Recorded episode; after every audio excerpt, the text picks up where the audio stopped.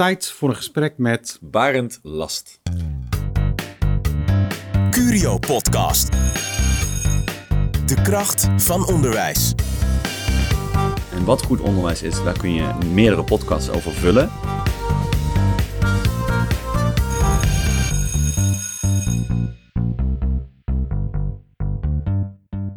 Welkom bij de podcast De Kracht van Onderwijs. Mijn naam is Rob Neutelix en ik werk bij Curio. Curio biedt inspirerende mensen graag een podium. In deze podcastserie spreek ik met mensen die een belangrijke invloed hebben op het Nederlandse onderwijs. Wat zijn hun ideeën? Wat gaat er goed? En wat kan en moet er beter? Tijd voor een goed gesprek met Barend Last. Welkom. Dankjewel, leuk om hier te zijn. Deze podcast bestaat uit eh, drie delen. We zijn natuurlijk benieuwd naar je standpunten over actuele en soms principiële onderwijskwesties. We gaan het hebben over blended leren. En voor onze luisteraars zal ik nu een eenvoudige definitie geven. Dan mag jij dat straks uitdiepen.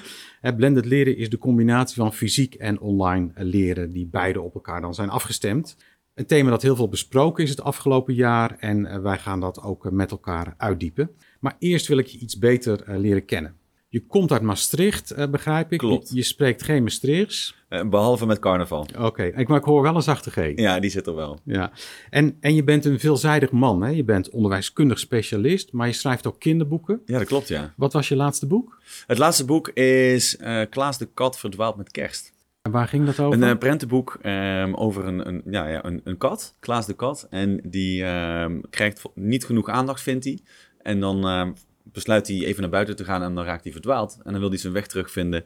En op zijn weg terug komt hij langs allemaal kerstachtige ja, plekken. En dan is het natuurlijk ja, de vraag, zal hij zijn thuis ooit terugvinden? En dan beleeft hij allerlei avonturen. Juist, ja. En je hebt ook het boek Gif in het Dierenrijk geschreven. Ja. Ging dat over? Dat heb ik samen geschreven met uh, Matthias Bittebinder, een uh, bioloog. En we hebben daar eigenlijk de handen in geslagen om een boek voor kinderen te maken van een jaar of 10, 11, 12 om de wonderenwereld van gif en giftige dieren toegankelijk te maken. En ja, wat is dan het verschil met een encyclopedie? Ik ben een kinderboekenschrijver, dus ik schrijf verhalen. Hij is de man van de feiten en de wetenschap. En we hebben dus mooi die combinatie weten te vinden. Delen non-fictie, informatief. En daarnaast uh, mooie verhalen die echt uh, ja, de kinderen ook kunnen meenemen in die wonderenwereld. En wat is het meest fascinerende gif wat jij hebt aangetroffen in dat boek? Oeh, ik denk toch wel de pijlgifkikker. Omdat dat eigenlijk een, de, het meest giftige dier van de wereld is maar ook het minst gevaarlijk. Want er gaan bijna nooit mensen aan dood, want je, je moet hem A eerst zien te vinden. En B, dan moet je hem ook nog opeten. En dat doe je niet zo snel? Nee, dat doe je niet zo snel, want je ziet het aan zijn kleur. Hij is heel fel geel en dat roept gewoon gevaar. Je bent kinderboekenschrijver, maar je was ook een vervelende puber, begreep ik. ja, dat klopt, ja. ja. Ik was ook een vervelende puber. Dat is, er, uh, dat is er uitgeslagen. Nou, niet letterlijk geslagen, maar het is wel uitgeramd toen ik naar de marine ging. Waar moet ik aan denken bij een vervelende puber? Ik dacht dat ik het allemaal al wel voor elkaar had en dat ik het allemaal al wel wist op mijn zeventiende. En toen kwam ik in één keer in de grote mensenwereld en toen kwam ik erachter dat dat toch het tegendeel bleek te zijn. Dus de marine heeft je geholpen? Ja, absoluut. Ja. Heel vormend. En, en nu ben je onderwijskundig specialist. Wat doet een onderwijskundig specialist? Ontzettend breed. Ik denk uiteindelijk toewerken naar goed onderwijs. En wat goed onderwijs is, daar kun je meerdere podcasts over vullen. Maar voor mij betekent dat dat ik me in ieder geval bezig hou met zo goed mogelijk ontwerpen van onderwijs, zo goed mogelijk uitvoeren van onderwijs en zo goed mogelijk evalueren van onderwijs. En dat doe je nu nog bij de Universiteit van Maastricht? Dat heb ik de laatste jaren uh, bij de Universiteit van Maastricht gedaan. Daar ben ik verbonden geweest aan onder andere het Instituut voor Onderwijsinnovatie. En uh, recentelijk ben ik uh, ja, helemaal voor mezelf begonnen. En werk ik nu inderdaad als onderwijsadviseur, trainer, spreker. En mag ik op heel veel plekken in het land helpen. Barend, ik wil je nog iets beter leren kennen. En daarom ga ik je een aantal persoonlijke vragen voorleggen. Ja. Wie was je meest inspirerende docent? Ja, dat is dan toch wel meester Leo in groep 7. Wat was zo inspirerend aan meester Leo? Wat hij heel goed voor elkaar kreeg was nabijheid. Hij stond altijd voor mij klaar. Um, in die periode ben ik ook gepest. En hij was wel echt een, een, ja, een, een veilige... Hij wist een veilige omgeving voor mij te creëren. Ik kon altijd met vragen bij hem terecht. En hij uh, lette ook extra erop. Dus ja, toch die leerkracht-leerling relatie waar hij heel goed in investeerde. Waardoor ik voor hem door het vuur wilde gaan. Welk boek ben je momenteel aan het lezen? Leerlingen intrinsiek motiveren van uh, Rob Martens.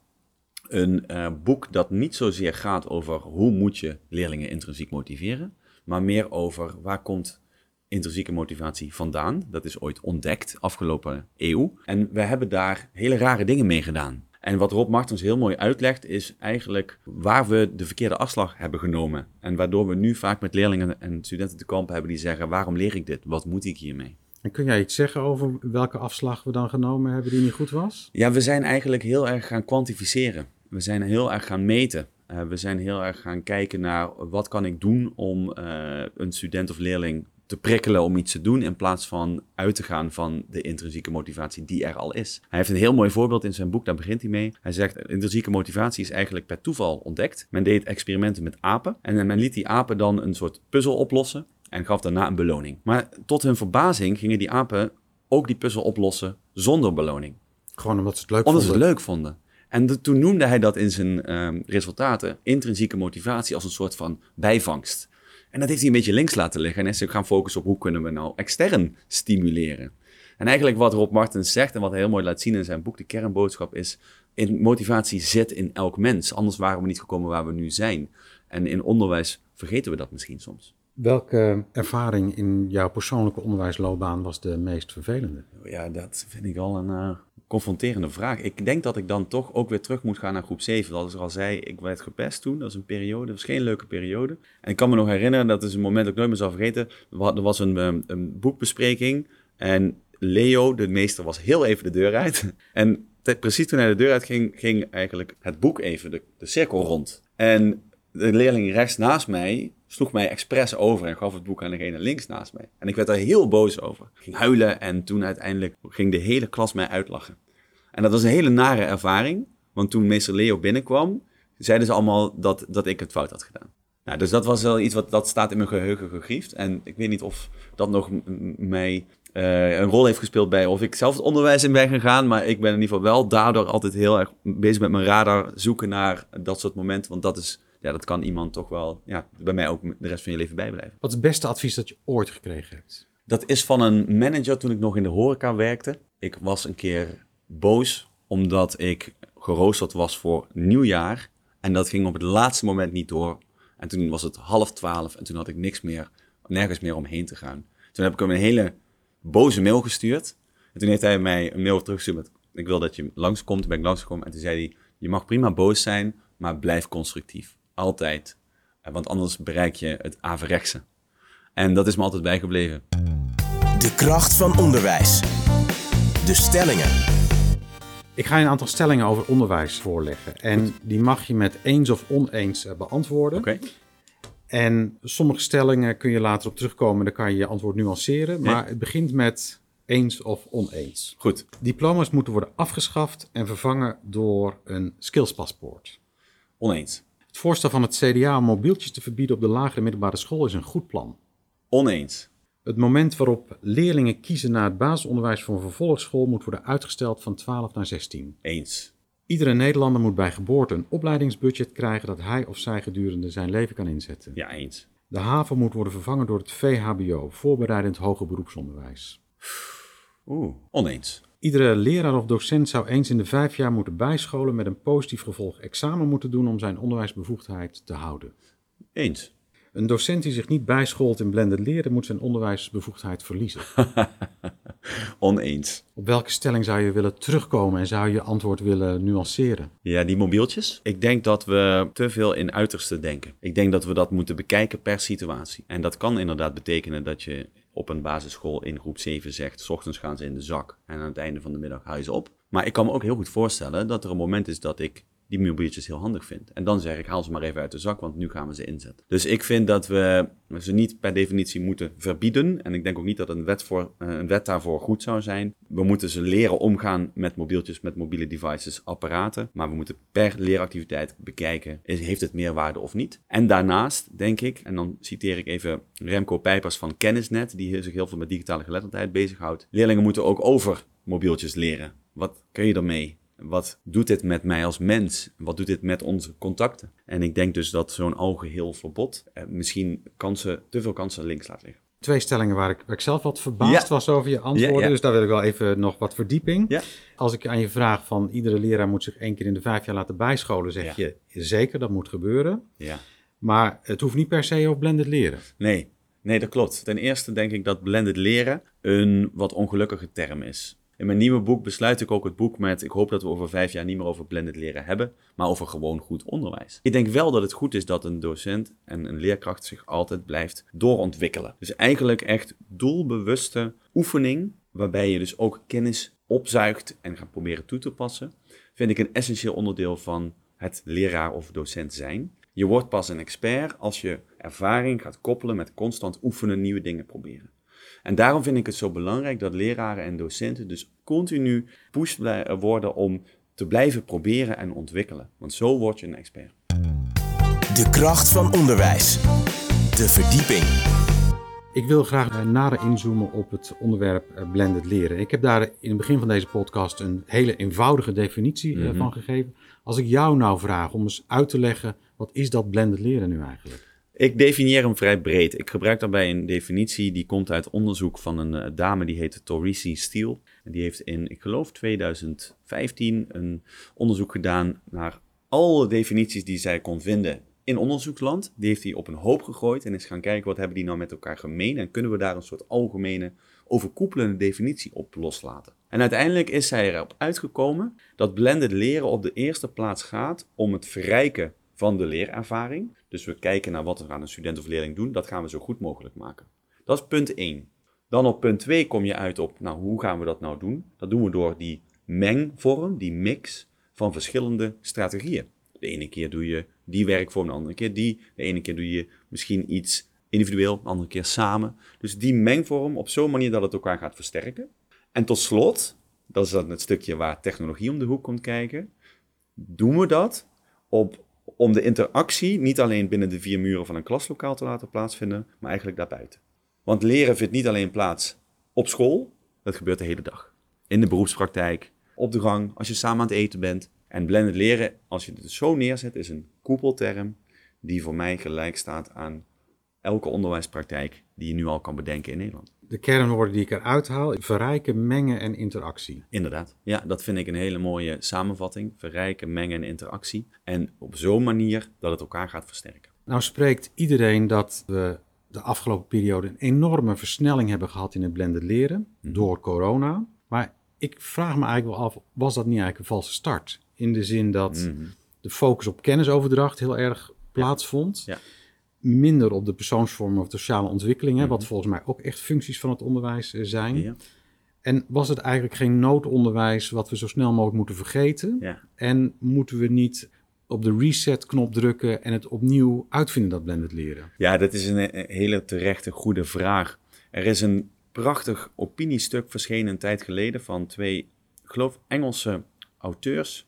En die zeiden, corona is eigenlijk een ontzettend belabberd onderwijsexperiment. Het noodonderwijs met name. Want wat we in die situatie hebben meegemaakt, kan je op geen enkele manier generaliseren naar een normale situatie. De wereld stond op zijn kop. Toch gebeurt dit.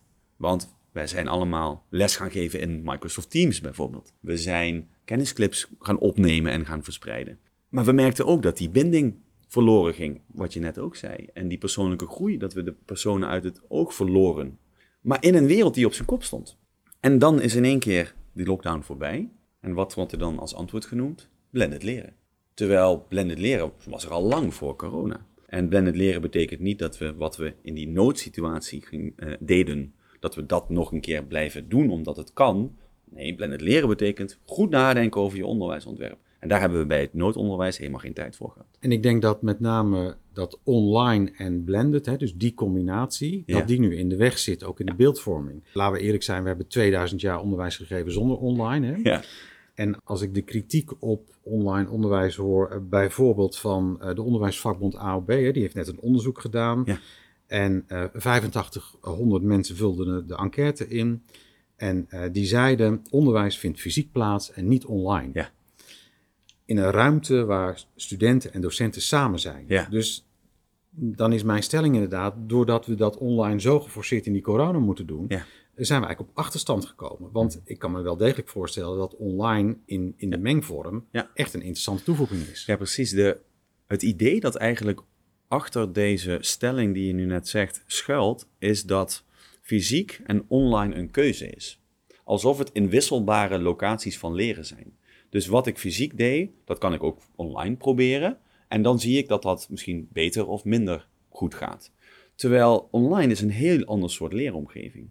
Ik zou nooit adviseren om wat je fysiek deed, zomaar één op één te gaan kopiëren naar online. Dat is ook niet waar de meerwaarde zit verstopt. Wat ik wil is dat die contacttijd die ik fysiek heb, die wil ik optimaal benutten. Als ik elementen uit die fysieke contacttijd nou naar online zou kunnen verplaatsen, op een andere manier gaan aanbieden, dan wordt eigenlijk de tijd die ik in de klas heb, wordt eigenlijk beter benut dan voorheen. Dus zeg je daarmee, doe de informatieoverdracht bijvoorbeeld online, zodat er meer ruimte is in het fysiek contact voor sociale ontwikkeling, persoonsvorming en dat soort dingen? Dat, dat zou kunnen, dat, dat ligt een beetje aan de, het onderwijsniveau. Hè. Dus bijvoorbeeld in een mbo, een hbo of universiteit is dat iets wat je zou kunnen doen. Ik denk dat eh, bijvoorbeeld in de kleuterklas is dat een iets ander verhaal. Je kan ook heel goed blended leren toepassen in de kleuterklas hoor, begrijp me niet verkeerd. Um, maar het hangt heel erg van je doelgroep en je context af. Ik denk wel dat we hebben gezien dat de waarde van de campus, MBO, HBO, WO met name, en zeker ook eh, denk ik al in het VO, maar die spreken toch wat minder van een campus, niet alleen kennisoverdracht is. Het gaat ook om die socialisering, om die persoonlijke touch, elkaar ontmoeten, samen eten. Daar zit voor een heel groot deel dat informele, verborgen curriculum eigenlijk verstopt, wat voor een heel groot deel samenhangt met leerresultaten die we wel kunnen meten. En daarmee denk ik dus ook dat blended leren niet zozeer betekent we gaan minder op de campus doen en we gaan meer online doen. Nee, we gaan die campustijd beter benutten, effectiever. effectiever benutten, door slim gebruik te maken van wat we ook online kunnen doen. En ik denk als we één ding geleerd hebben in die coronatijd, we hebben natuurlijk veel dingen geleerd, maar is dat met name die sociale ontwikkeling ja. van uh, jonge mensen echt cruciaal is. Dat ze elkaar ontmoeten, dat ze met elkaar uh, discussiëren um, en andere dingen doen. Exact, en dit is al lang en breed onderzocht. Hier is voldoende evidentie voor gevonden dat sociale binding, dus met studenten onderling, maar ook academische integratie, dus hoe de student zich identificeert met de opleiding en de docenten, dat dat echt voorspellers zijn van studiesucces. En dat viel natuurlijk in de noodsituatie compleet weg. Dat wil niet zeggen dat het niet kan, maar je moet veel beter nadenken over je onderwijsontwerp. En dat zijn we van oudsher niet zo heel erg gewend geweest. Dat gebeurde vaak vanzelfsprekend op de campus. En nu we naar blended toe gaan werken, blended leren, ja, dan moeten we dat expliciet gaan opnemen in het ontwerp. Wat kunnen we doen om die sceptisch over online weg te nemen? Hè? Want de Tweede Kamer nam in 2021 een motie van de SP, Volt, Partij van de Dieren en D66 aan. Ja. Fysiek onderwijs is de norm. Job, eh, onze studentenorganisatie in het MBO, die meldt in 2022 40% van de studenten is ronduit negatief over online onderwijs. Ja. Hoe gaan we dat beeld kantelen? Ja, dus ja, de docenten, de studenten, de Tweede Kamer. Iedereen is heel kritisch op online onderwijs. Ja, alleen dan is mijn vervolgvraag: wat bedoel je met online onderwijs? Bedoel je twee uur lang in een Microsoft Teams omgeving luisteren naar een docent? Of ben je ook kritisch op bijvoorbeeld um, die vrienden die je ontmoet bij het online gamen? En ben je ook kritisch op die mensen die verliefd worden op een vierkant schermpje via Tinder? Uh, daar zitten ze namelijk de hele dag op. Zijn ze daar ook kritisch over? Ik denk het niet. Ze zijn kritisch over de vormen die ze hebben ervaren en terecht omdat die vormen suboptimaal ontworpen waren. Maar overtuig ze dan eens. Stel je voor, jij staat voor de Tweede Kamer Ja. en legt even uit waarom online onderwijs wel degelijk een verrijking is als toevoeging van datgene wat we doen. Ja, dan kom je eigenlijk uit op onderliggende principes die, uh, waarvan we weten dat die leren kunnen verbeteren. Neem bijvoorbeeld het idee van gespreid leren. Dat is een bekend principe uit onderzoek. Wanneer je iets één keer leert of je verspreidt het over meerdere momenten, blijft het beter hangen.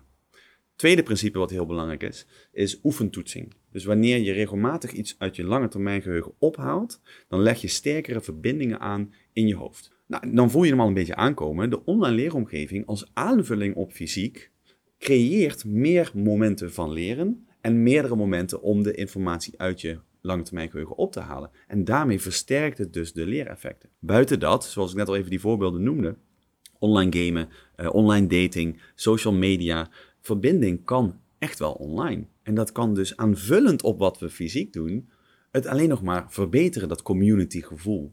Maar nogmaals, dat vereist wel een stapje terug doen en je ontwerp niet meer alleen maar focussen op de lessen die je geeft, maar gaan denken vanuit wat ga ik doen om het leren te bevorderen. En dan maak je dus dat online onderdeel integraal Juist. deel van, van je totale onderwijsontwerp. Ja. En dan is het niet en-en, hè, want bij die online dating app eh, ben je uiteindelijk ook uit op de fysieke ontmoeting. Precies, ja, ja, ja, precies. En, en ik denk zeker in eh, de sector hè, waar het gaat om publiek onderwijs, PO, VO, MBO, HBO en eigenlijk ook universiteiten, is wat mij betreft uh, ontmoeting en co-creatie de basis, maar niet het enige. We zorgen voor een volledige leeromervaring waarin we alle middelen benutten die van waarde kunnen zijn. Daar kunnen we niet meer omheen. Dat is ook waar het werkveld om vraagt. De wereld voor ons allemaal is een blend. Laten we dat dan ook in ons onderwijs weerspiegelen. Als ik dan beginnend docent ben of, of ervaren docent en denk van ja, ik ben overtuigd hè, door het verhaal, ik moet meer. Hoe begin ik dan om na te denken over dat blenden? Ja, dat is een hele goede vraag. In mijn nieuwe boek heb ik ook een heel hoofdstuk gewijd aan hoe begin je met blended leren. Omdat... Misschien kun je daar dan even dan de samenvatting ja, van Ja, zeker, zeker. Er zijn eigenlijk grofweg gezien drie benaderingen. Je kan beginnen met een, een, lage impact. Uh, en dan impact gaat over wat vraagt het van jou als docent. Dan ga je eigenlijk een bestaand ontwerp bekijken en ga je elementen toevoegen. Gewoon snel. Niet om, om je alles op de schop op, je hoeft niet alles op de schop te gooien, maar je gaat gewoon kijken waar kan ik wat dingen veranderen om al snel resultaten te krijgen. Dan heb je de medium impact. Dan ga je eigenlijk dingen vervangen. Neem bijvoorbeeld een les, omzetten naar een kennisclip en dan de tijd anders benutten. De derde benadering vraagt het meeste en dat betekent ik gooi mijn oude ontwerp in de prullenbak en ik begin vanaf wat ik beoog, de doelen of de leeruitkomsten, met een nieuw ontwerp. En als je dat doet, dan is het advies wel begin echt acht maanden van tevoren om, om, om dat goed neer te kunnen zetten. Maar je kunt dus gewoon eigenlijk klein beginnen. Ja. En als je klein begint, kun je morgen beginnen. Hè? Ja, zeker weten, zeker weten. En blended leren kan ook al met zich meebrengen dat je een keer net een andere werkvorm gebruikt. Wat voor nieuwe werkvormen uh, moet ik dan aan denken? Nou, de didactische doelen van blended leren zijn vaak om bijvoorbeeld meer keuzevrijheid te bieden, om meer te, beter te differentiëren, om bijvoorbeeld een betere binding te maken. Dus ik heb bijvoorbeeld een docent en die gaf vier lessen op een dag. En die merkte, het is wat krap. En die heeft toen 20 minuten aan elke les toegevoegd waar ze niks voor ging voorbereiden. En in die 20 minuten ging ze met de studenten evalueren over het onderwijs en hoe het ging met het online werk. En dat had gelijk resultaat in hun motivatie en, uh, en de leerresultaten. Als ik erover zit na te denken, blended leren uh, vat ik samen als verrijken, mengen en interactie. Mm Moeten we niet stoppen inderdaad met blended leren? En moeten we het niet gewoon hebben over goed modern onderwijs? En dan is de vraag, hoe bieden we dat aan? En uh, een van de hulpmiddelen die je daarvoor kunt aanbieden... is gewoon online activiteiten naast allerlei andere ja. mengvormen die er zijn. Ja, ik denk dat het goed zou zijn als we blended leren op een gegeven moment verlaten als term. Ik denk dat we het moeten hebben over goed onderwijs, want er is op dit moment in Nederland van kleuterklas tot collegezaal geen plek meer te bedenken die niet onder de noemer blended leren valt. Die is er niet meer. Maar ik denk als je het hebt over ik maak modern goed onderwijs of goed modern onderwijs, dat een docent meteen daar zegt, ja, dat wil ik, hè, want, want daarvoor ben ik op aarde. Ja. Maar als wij zeggen, gij zult blenden, ja. ja, dan schieten ze in de weerstand en denken, ja. wacht even, eh, dit wil ik helemaal niet. Ja. ja, ik heb een artikel geschreven met als titel, to blend or not to blend, gaan we wel of niet blenden, is de verkeerde vraag. De vraag is, hoe zorg ik voor mijn beste blend? En dat is voor de ene docent totaal anders dan voor de andere docent en dat is prima tussen 100% fysiek en 100% online onderwijs in. Mij maakt het niet uit. Als je maar goed hebt nagedacht over hoe kan ik die leerervaring van die student zo goed mogelijk maken. Met alle middelen die ik heb. Ik denk daar moeten we elkaar toch kunnen vinden. Dat denk ik wel. Als je nou een voorspelling zou moeten doen, hè? we gaan 20 jaar verder, het is nu 2022 als we dit opnemen. Ja. En dan is het 2042. Ja. Hoe ziet het onderwijs er dan uit? Ja, het is grappig dat je dit vraagt. Ik ben toevallig met een project bezig om dit uit te denken. Het, de campus in 2040.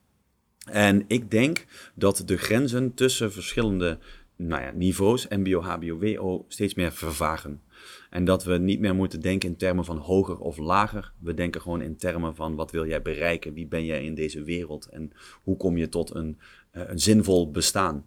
En of je dat nou VWO, HBO, HBO of MBO noemt, dat maakt me allemaal niet zoveel uit. Maar we gaan veel meer kijken naar die persoon in de wereld en hoe die ergens wil komen. We hebben het gehad over blended leren, wat het is, waarom we zo kritisch zijn over online, hoe we dat eh, kunnen adresseren. Ja. Is er nog een, een, een, hele belangrijke boodschap die jij aan het eind van deze podcast zou willen meegeven aan de luisteraars? Ja, het is misschien een cliché, maar zonder relatie geen prestatie. En ik geloof dat die ooit door een, eh, Nederlandse dame bedacht is een, een, aantal jaar geleden. Maar ik zie het steeds meer terug. Hoe meer ik leer over blended leren, hoe meer het gaat om eerst die verbinding maken. En dan gaan ze voor je door het vuur. Terug naar meester Leo, ik ging voor hem door het vuur, want daar was verbinding. En dat motiveerde mij. Dankjewel, Barend. En dankjewel dat je mijn gast wilde zijn in deze aflevering van de podcast. De Kracht van Onderwijs. Reageren op deze podcast? Vragen? Suggesties voor gasten? Stuur een mailtje naar r.neutelings.curio.nl Je mag prima boos zijn, maar blijf constructief. Want anders bereik je het averechtse. Curio Podcast.